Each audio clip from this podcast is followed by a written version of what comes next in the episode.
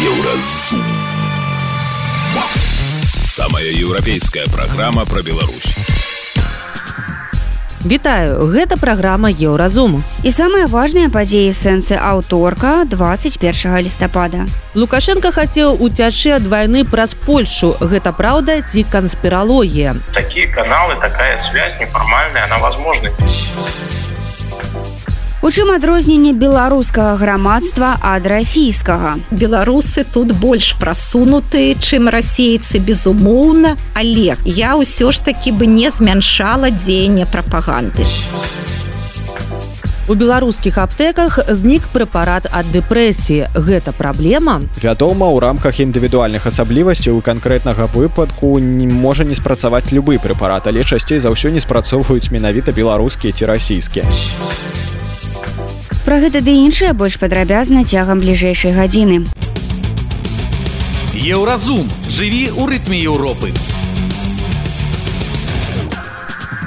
Александр Лукашенко відавочна не хоча раздзімаць шуткі пра тое, што на пачатку вайны рассіі ва ўкраіне ён нібыта абдумваў уцёкі праз Польшу. Гісторыка-палітычны аглядальнік Александр Фрыдман заўважае, што прапаганда не тое, што не ўхапілася за гэтую тэму, наадварот паспрабавала яе замаўчаць. Чаму? Мы пагаварылі пра імавернасць таемных адносін мінска і варшавы з экспертамі. Польскі журналіст збігняў парафянович адмаўляецца казаць пра рэакцыю рэакцыю польскага кіраўніцтва на імаверную просьбу лукашэнкі дазволіць яму ўляцець праз варшаву. Але сцвярджае што адказ на гэтае пытанне ў яго ёсць. Імаверна у вас з'яўляецца і іншае пытанне. Праз каго ўвогуле мог лукашенко весці такія перамовы калі яны сапраўды адбываліся? Вось што кажа на гэта гісторыкі палітычны аглядальнік александр фрыдман. Есть э, наверняка в ближайшем окружении там и различного рода адъютанты есть при желании и была есть возможность выхода на польское посольство, которое находится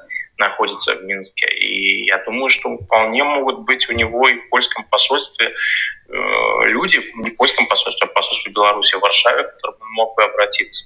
Так что такие каналы, такая связь неформальная, она возможна. И когда он сегодня говорит, что есть каналы связи с Польшей какие-то, я думаю, что это действительно правда. Даже в самые худшие времена с странами, у которых самые худшие отношения, такие каналы связи есть. Ну, а говорить, что у них может быть в качестве каналов связи, ну, это уже такая была бы спекуляция. Думаю, что какие-то возможности и контакты, контакт, контакты есть. Ну, и по большому счету, я думаю, что если бы даже в сегодняшней ситуации, вот сегодня прямо, он вдруг начал бы проситься на разговор с Дудой, условно говоря, на прямой договор с Дудой и описывая, насколько это важно, насколько это судьбоносно, думаю, что даже в этом случае с ним бы, наверное, поговорили, но не афишируя, разумеется.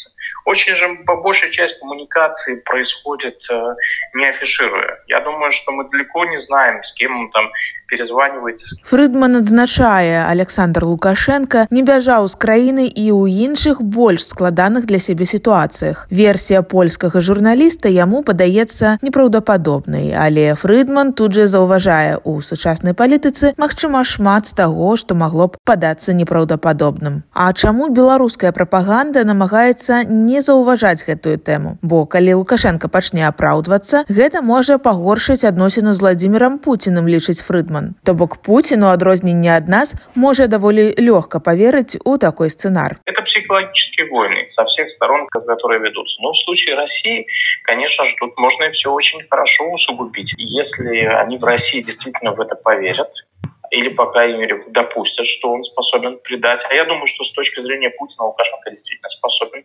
предать. И Путин как раз-таки, будучи конспирологом и будучи сейчас одним в окружении, когда там от него отказываются, он может спокойно, спокойно поверить.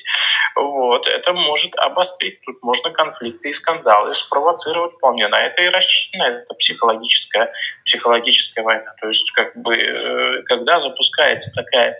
Вот если даже если, если мы уже говорим о цели, когда запускается информация вот такого характера, она запускается в том числе и и с целью как бы бить клин. Палітолог Роза Турарбекова кажа, што ёй відавочна не хапае фантазіі, каб уявіць сцэнар, пры якім Лукашенко шукае для сябе выйсце праз Польшчу. Мне сложно сказать, мне это кажется маловероятным, нелогичным вообще абсолютно. То есть если бежать, почему бежать, я не поняла в Польшу. Ну, в смысле, ближе, что ли, там. Я думаю, что у него была бы возможность договориться не, не с Польшей, например, а со страной, которая бы могла бы обеспечить ему более серьезные гарантии охраны. Ну там, я думаю что Польша была праз просто праз Польшу і некуды далей бегчы а не тое что у Польшы ён там ужо там дзе-нибудь там побач со студыяй еўрарадыо там маён так бы сабе за куда купіў і прыходзіў часам на эфиры да? а, ну может быть да может быть Варшава рассматривалась как транзит но тоже с моей точки зрения как-то слишком фантастично звучит. Хотя возможно у меня просто не как-то там недостаток фантазии и инсайдерской информации на сей счет. Но звучит уж больно знаете подозрительно и похоже на какую-то там теорию заговора что ли? Но очень как-то странно звучит. А что сказал палітычны аналітык Артём шрайбман? Ён прызнаецца что не мае нейкага выразнага інструмента для вымярэння праўдападобнасці гэтай гісторыі іншымі словамі паняцця не маю сказал Артём. Інфармацыйная служба еўрарадыо еўразум Беларусь у еўрапейскім фокусе. Далее у праграме еўразум У чым адрозненне беларускага грамадства ад расійскага? Беларусы тут больш прасунутыя чым расейцы безумоўна. Олег я ўсё ж таки бы не змяншала дзеянне прапаганды. У беларускіх аптэках знік прэпарат ад дэпрэсіі. Гэта праблема? Вядома у рамках індывідуальных асаблівасцяў у канкрэтнага выпадку не можа не спрацаваць любы прэпарат але часцей за ўсё не спрацоўваюць менавіта беларускія ці расійскія. Сустрэнемся пасля навінаў спорту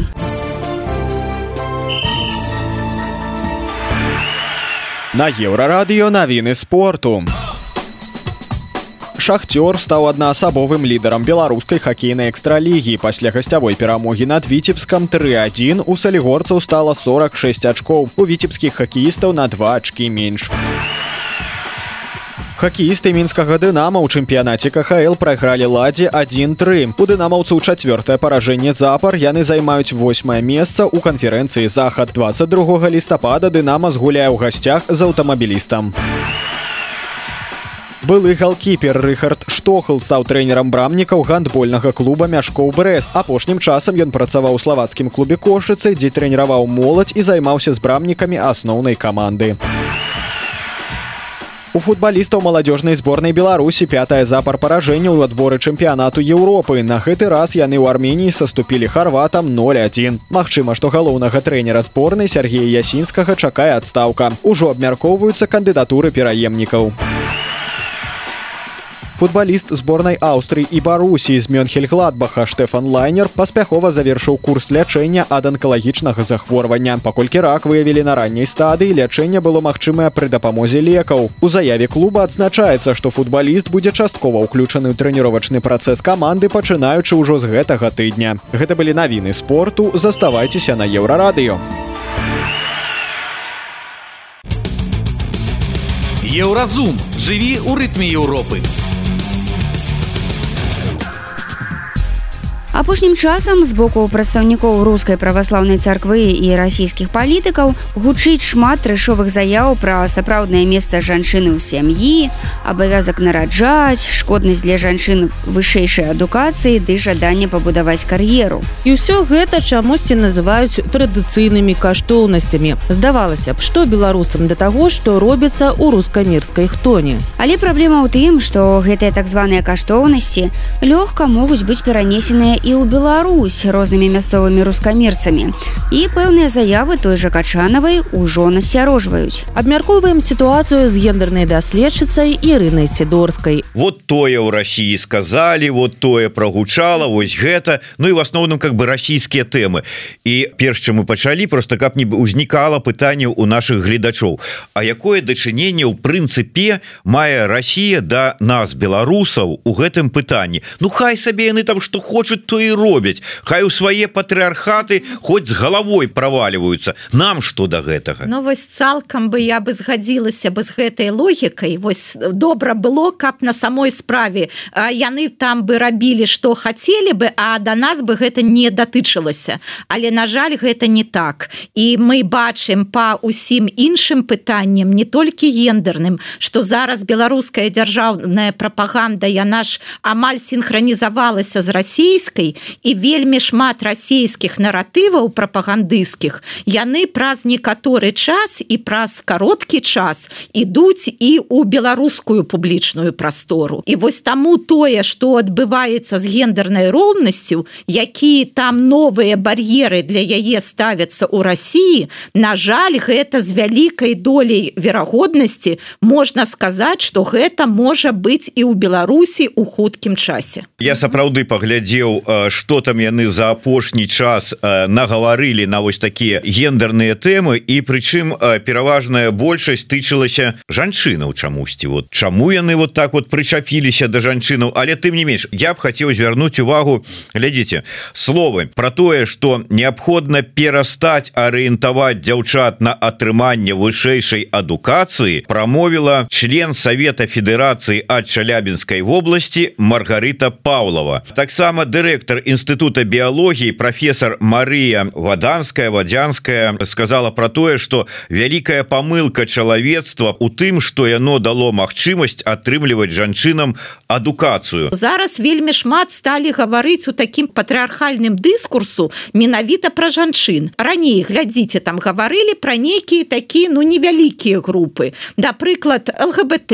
супольнасць альбо там child free альбо там яшчэ ну вось нейкія невялікія групы але жанчыны ну гэта ж як бы вялікая сацыяльная група. Гэта датычыць паловы насельніцтва. І вось тут якраз вось пацвярджаецца гэта ідэя про тое что аўтарытарызм ён спачатку абмяжоўвае правы як бы вось маленькіх груп людзей а потым ідзе да правоў вялікіх груп людзей. Вось такі вельмі негатыўны тренд і вось так ён бачны. Але что вось па сутнасці ваших слоў Ну так глядзіце мне вось не толькі як гендернай даследчыцы мне нават я я ж сама выкладчыца я сама доктарка навук і мяне вельмі хвалююць усё что звязана с адукацыяй з вышэйшай адукацыяй і вось калі я чую про тое что вось не трэба даваць дзяўчатам жанчынам вышэйшую адукацыю бо гэта значыць адцягвае іх увагу ад нараджэння дзяцей ну мяне яшчэ гэта вось як і выкладчыцу вельмі бянтэжыць. Дар'на давайте вось мы гэтую тэму працягнем але просто вот для удакладнення. Вам не падаецца троху ну, я не ведаю дзіўным нелагічным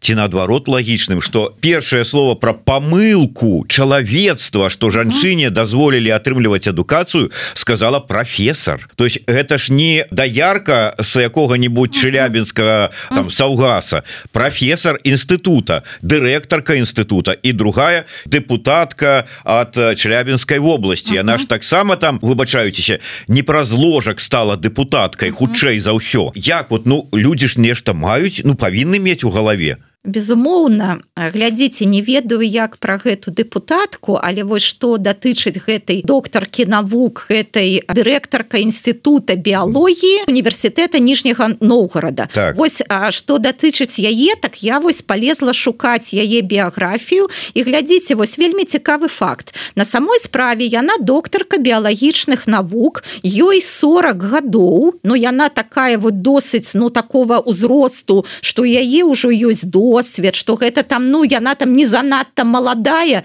і не занадта старая каб сказаць что ну вось там у яе там іншыя каштоўнасці. Яна як бы вось такая сучасная досыць маладая жанчына і у яе таксама між іншым двое дзяцей. Дачка студэнтка яшчэ сын школьнік. Ну вось глядзіце быццам такая ну вельмі паспяховая з пункту гледжання гендернай роўнасці жанчына. Вось 40 гадоў ужо доктарка навук ужо дырэктарка там інстытуту і яшчэ вось маці двух дзяцей. Прыклад трэба з яе браць іншая справа что яе дачка робіць ва універсітэце ці дзе яна там студэнткай вучыцца? Ва універсітэце мне здаецца таксама на біялогіі. Вось як бы пайшла по стапах маці. І, і глядзіце вось як цікава.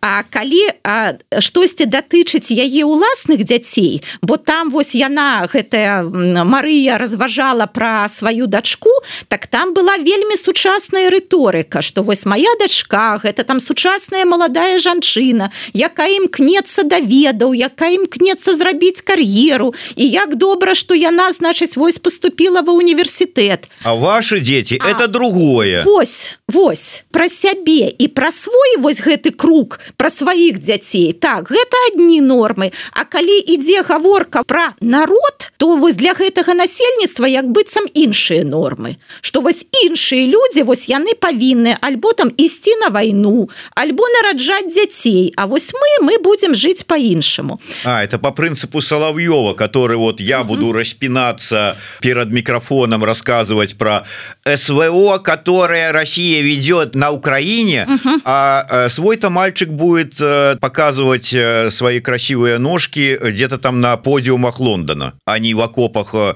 Донбасса Ну безумоўна ёсць две мадэлі вось так жыве мы а так павінен жыць народ по-іншаму гэта у іх ва ўсіх а Працягваем размову з Ірынай сідорскай. Давайте вот выснову папярэднюю такую зробім прамежкавую дакладней так. Скажите вот ўсё ж такі мы вельмі часта гаварылі про тое, што беларускае грамадства яно ўсё ж таки ад расійскага грамадства адрозніваецца і стаўленнем там той ж самае да вайны там да іншых розных там сітуацый каштоўнасцяў можа быть я не ведаю для расійскага грамадства гэта Ну і нормально вось такі падыход можа яны яго прымуць і скажуць да малацы так і трэба а беларуская вот нягледзячы на тое что прапаганда uh -huh. паўтарая беларуская расійскія наратывы а, але ну это ж не значит что менавіта вот гэты трэш беларусы скажут ну раз нам азаронак про это сказаў то значит так і будем рабіць Ну глядзіце я згодная цалкам что беларусы тут больш прасунутыя чым чым расейцы безумоўна. Олег я б я ўсё ж таки бы не змяншала дзеяння прапаганды. Но прапаганда яна ж мы не А яна робіць манаполію на інфармацыйную прастору. І яна робіць усё так каб іншыя ідэі не попадалі ў гэтую інфармацыйную прастору. І калі людзі з дня кожны дзень там кожны тыдзень кожны месяц гадамі чуюць адны і тыя думкі ну яны ж тады як бы ну і на самой справе пачынаюць думаць А можа гэта мы раней там неправільна ўсё на ўсё гэта глядзі глядзелі можа вось на самой справе трэба так таму я бы тут не змяншала бы ўплыў прапаганды. Вось гэта калі мы першы раз чытаем вось у нас так волосы там дыбам устаюць і мы думаем ну няўжо так можна? А калі гэта чалавек кожны дзень чуе ну ён прывыкае на самой справе. Вось вы сказали что іншае стаўленне да вайны у беларусаў. Так яно вось яно нікуды не падзелася. Але вось напрыклад стаўленне да размяшэння ядерной зброі на тэрыторыі Беларусі калі про гэта аб'явілі ў пачатку вось увесну і нават яшчэ здаецца там зімой было вельмі адмоўнае стаўленне. Але зараз вось ужо сацыолагі фіксируюць тут дынаміку. Ужо менш людзей адмоўна ставяцца да размяшэння ядравай зброі бо яны ўвесь час чуюць ад прапаганды что гэта для абароны каб на нас ніхто не напаў каб вось наши ворагі там нічого нічога не зрабілі. Таму вось я тут бачу гэтую выразна бачу гэтую дынаміку. І я баюся что ў пытанне гендернай роўнасці калі вось не будзе альтэрнатыўнай інфармацыі таксама можа быць вось гэта адмоўная дынаміка. Такая что можа быть пойдзем шляхам я не ведаю там Афганістана дзе куды талібы прыйшлі да ўлады Ну спадзяюся канешне да Афганістана не дойдзем але мы на самой справе ідзем у тым накірунку. Гэта вось такой антымадэрнізм гэта такі патрыархат гэта такое сярэднявечча что ну вось нават ну там можа 10 гадоў назад калі б сказалі бы что вось такое будзе у публічнай прасторы абмяркоўвацца я б сказала бы да не можа гэтага быць. Добра вот глядзіце возьмем с аднаго боку уздзеянне магчымасці прапаганды з другога боку вернемся ізноўку для вот этих асноўных зараз хто закидывае гэтыя трэшавыя ідэі.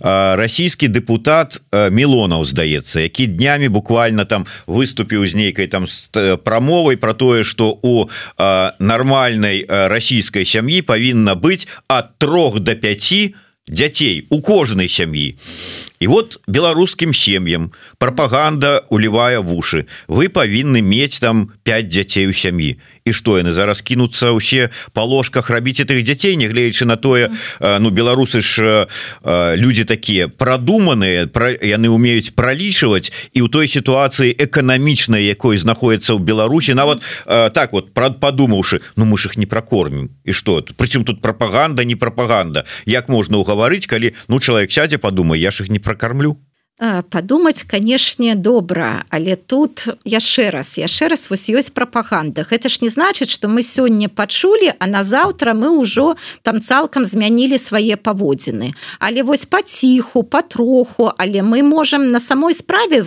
змяніць свае адносіны да нейкага пытання. Гэта першае. По-другое Ну вы зараз разважаеце як вось гарадскі чалавек як там спецыяліст журналіст прафесіяналы гэтак далей. А вось ты беларусы які жывуць там у вёсках у маленькіх мястэчках дзе няма працы альбо там праца за 200 за 200 альбо за 300 рублёў. А тады вось дзяржава дае там вось гэтыя э, э, грошы на дзяцей до трох гадоў. І вельмі часто бывае у сельскай мес мясцовасці так что вось гэтыя грошы на дзяцей яны больш чым заработная плата багата і вось якраз у сельскай мясцовасці вось ёсць некаторыя ну, вось ёсць месцы дзе на самой справе шмат сямей з трымя альбо больш дзецьмі а якія нараджалі гэтых дзяцей у тым ліку разлічваючы на вось гэтыя грошы. Але там як у якую пастку яны а, попадаюць калі вось малодшаму дзяцю спаўняецца тры гады.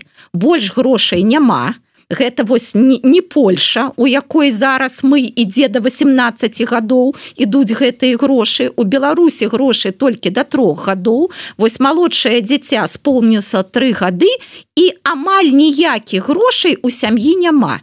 І гэта на самой справе вельмі бедныя сем'і. Вось калі бы э, між іншым гаворым пра беднасць вельмі часта беднымі у Беларусі з'яўляюцца сем'і з непаўнагадовымі дзецьмі не толькі там адзінокія пенсіянеры напрыклад а вось менавіта сем'і дзе ёсць дзеці і неполныя сем'і дзе маць альбо там можа отец іх выхоўвае так гэтая праблема яшчэ раз да вашага пытання ну 5 дзяцей не але вось гэтая задача там мець тры тры дзіця ну яна ж яна пастаўлена перад беларускім грамадствам і можа хтосьці ну на самой справе так будзе делать рабіць зараз але наступствы без, безумоўна гэтыя людзі не пралічваюць Гэта была гендерная даследчыца прафесарка Ірына сідорская. Яна патлумачыла, чым пагражае беларускаму грамадству прапаганда крамля і РПЦ і ў чым адрозненне беларусаў ад расіян. Еўразум. Беларусь у еўрапейскім фокусе. Далей у праграме Еўразум. У беларускіх аптэках знік прэпарат ад дэпрэсіі. Гэта праблема. Вядома, у рамках індывідуальных асаблівасцяў у канкрэтнага выпадку не можа не спрацаваць любы прэпарат, але часцей за ўсё не спрацоўваюць менавіта беларускія ці расійскія. Сустрэнемся пасля навінаў шоу-бізу. Шоу-біз.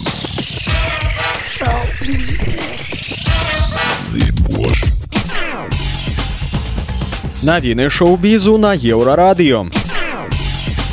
Жанчына загінула пасля няшчаснага выпадку на адным з канцэртаў робі Уильямса ў сідней. Прадстаўнік лякарні святого Вінцэнта пацвердзіў, што 70гадовая жанчына памерла ў панядзелак пасля падзення шасці шэрагаў сядзенняў. У крытычным стане яе даставілі ў лякарню, дзе ўвялі участковую кому. Гэта адбылося праз некалькі дзён пасля смерці фанаткі на канцэрце Тэйлор Свіфт у Бразіліі. Пасля здарэння Тэйлор абвясціла аб адтэрміноўцы свайго наступнага канцэрта і ў нстаграм сказала, што яна апустошана смерцю 23гадовай Анны Клары Мачада. Третий год запар кейт миддлтон ладзіць каляднае мерапрыемства ў вестмістарскім абадстве сёлета падзея разам на каляды будзе мець асаблівы сэнс каралеўскі фонд абвясціў што на калядны канцэрт 8 снежня запрасілі акушэрак медсясцёр выхавальнікаў дашкольных устаноў з усёй великкабрытаніі шоу будзе ўключаць музычныя выступленні спевакоў і музыкантаў у тым ліку адама ламберта джейка бакалера ды фрей райдынгс у заяве фонду гаворыцца што падзея звязана з кампаніяй цэнтра ранняга дзяцінства прынцэсы кейт шэйпін ас мэта якога накіравана на інфармаванне шырокай грамадскасці аб важнасці дашкольнай адукацыі і развіцці дзяцей да 5 гадоў каханая роберта патинсона публічна паведаміла што чакае першынца актрыса і мадэль сюкі waterхаус якая ўпершыню справакавала чуткі аб цяжарнасці ў канцы кастрычніка звярнулася да гледачоў са сцэны фестываля карона капітал у мехіка. Яна расказала прычынах свайго выбару асляпляльнага ўбору. Я подумала што апрану сёння нешта з блізкаўкамі каб адцягнуць вас ад чагосьці яшчэ што ў мяне адбываецца. Не ўпэўнена ці спрацавала пажартавала сюкі прадэманстравала свой круглявы жывот. Сюкі waterхаус і роберт патинсон знаходзіцца ў адной адносінах з 2018 года. У ніцы адбылася цырымонія адкрыцця дзіцячага еўрабачання. У падзеі прынялі ўдзел прадстаўнікі 16 краін удзельніц, а на сцэну выйшлі спевакі, якія апошнія гады на конкурсе прадстаўлялі краіну гаспадыню гэтага года францыю. Таксама быў усталяваны парадак выступленняў у фінале, які адбудзецца ўжо ў гэтую пятніцу 24 лістапада. Галоўнае адрозненне ад вялікага еўрабачання ў тым, што тут можна прагаласаваць і за сваю краіну. Гэта былі навіны шоу-бізу, заставайцеся на еўрарадыё.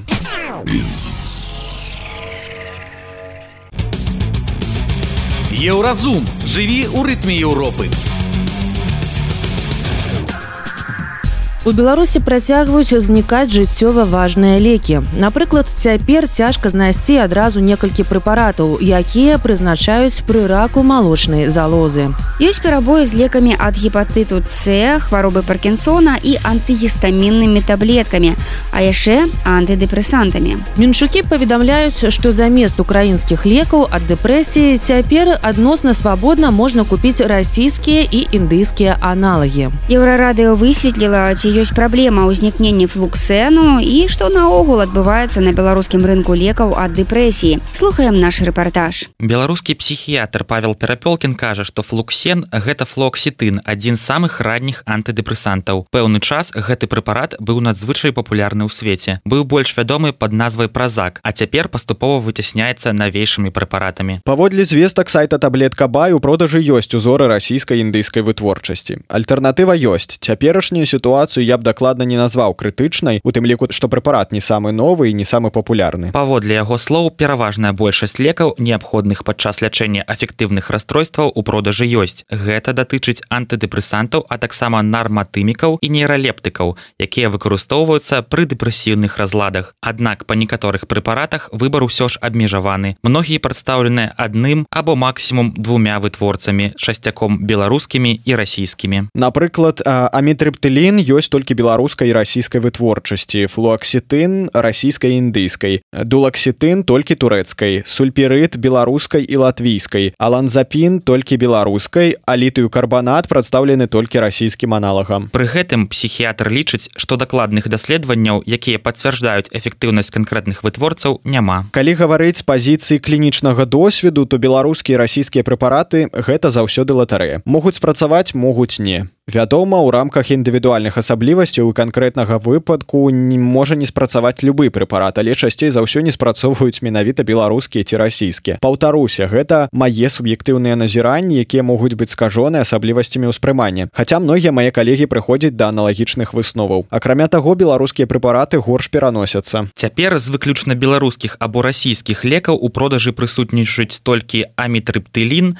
аланзапін і літую карбанат у астатніх выпадках хоць адна альтэрнатыва але ёсць таму доктар і тлумачыць што на гэты момант істотнай праблемы няма. У прыватных выпадках вядома гэта можа стаць істотнай цяжкасцю. Але калі тэндэнцыя працягнецца то яна безумоўна стане сістэмнай. Лекі ад дэпрэсіўных разладаў не першыя з магчымым недахопам якіх сутыкаліся беларусы. У свой час з продажу ўзнікалі таблеткі якія выпісваюць пры раку адціску і некаторыя іншыя. Павел перапёлкін лічыць што гэта можа быць звязана са зніжэннем зацікаўленасці ў беларускім рынку праз ускладненне лагістычных паставак таксама прычыну варта пашукаць і ў выніку змяншэння попыту ў сувязі са зніжэннем плацежаздольнасці насельніцтва. Магчыма прычына ў зніжэнні цікавасці што да закупкі імпартных лекаў дзеля інтарэсаў беларускіх вытворцаў. Паводле яго слоў наяўнасць і даступнасць поўнага спектру ўсіх лекаў вельмі важныя інакш людзі якія пакутуюць на эфектыўныя і любыя іншыя разлады застануцца без дапамогі. Што да цэн то розніца вар'юецца ад прэпарату да прэпарату. І ў большасці выпадкаў неістотныя. Аднак бываюць і выключэнні з правілаў. Напрыклад беларускі экстыталапрам каштуе ў раёне 25-34 рублёў. Славенскі ад 20 з той жа самай верхняй мяжой. Дацкі ж ад 62 до 94